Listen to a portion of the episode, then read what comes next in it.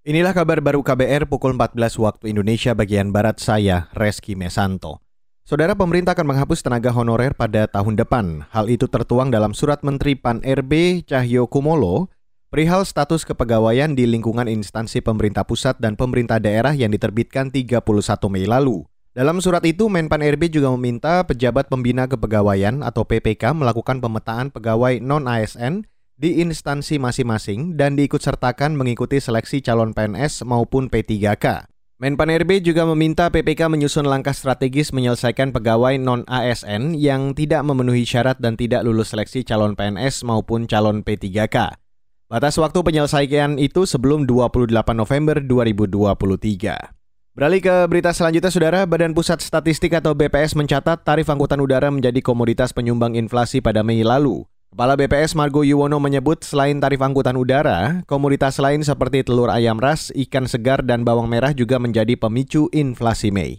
Pada bulan Mei tahun 2022 ini terjadi inflasi sebesar 0,40 persen atau terjadi peningkatan indeks harga konsumen atau IHK dari 109,98 pada bulan April tahun 2022 menjadi 110,42 pada Mei 2022. Kepala BPS Margo Yuwono menambahkan untuk inflasi tahun kalender Januari ke Mei 2022 sebesar 2,56 persen.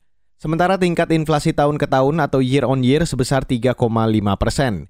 Inflasi tertinggi terjadi di kota Tanjung Pandan sebesar 2,2 persen. Sementara inflasi terendah terjadi di Tangerang dan Gunung Sitoli sebesar 0,5 persen. Selain itu, sejumlah kota di Indonesia juga mengalami deflasi. Deflasi tertinggi tercatat di kota Mobagu sebesar minus 0,21 persen dan terendah di Merauke sebesar minus 0,02 persen.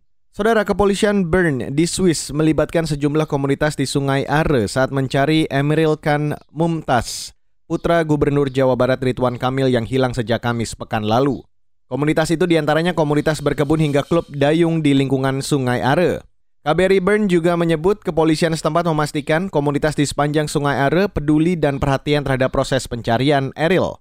Pencarian bahkan telah menggunakan perahu khusus yang dapat memantau situasi bawah air di Sungai Are namun Eril belum ditemukan. Sebelumnya, Eril dilaporkan hilang saat berenang di Sungai Are Kamis pekan lalu. Ia disebut terseret arus sungai yang deras saat itu. Dan saudara, demikian kabar baru saya Reski Mesanto.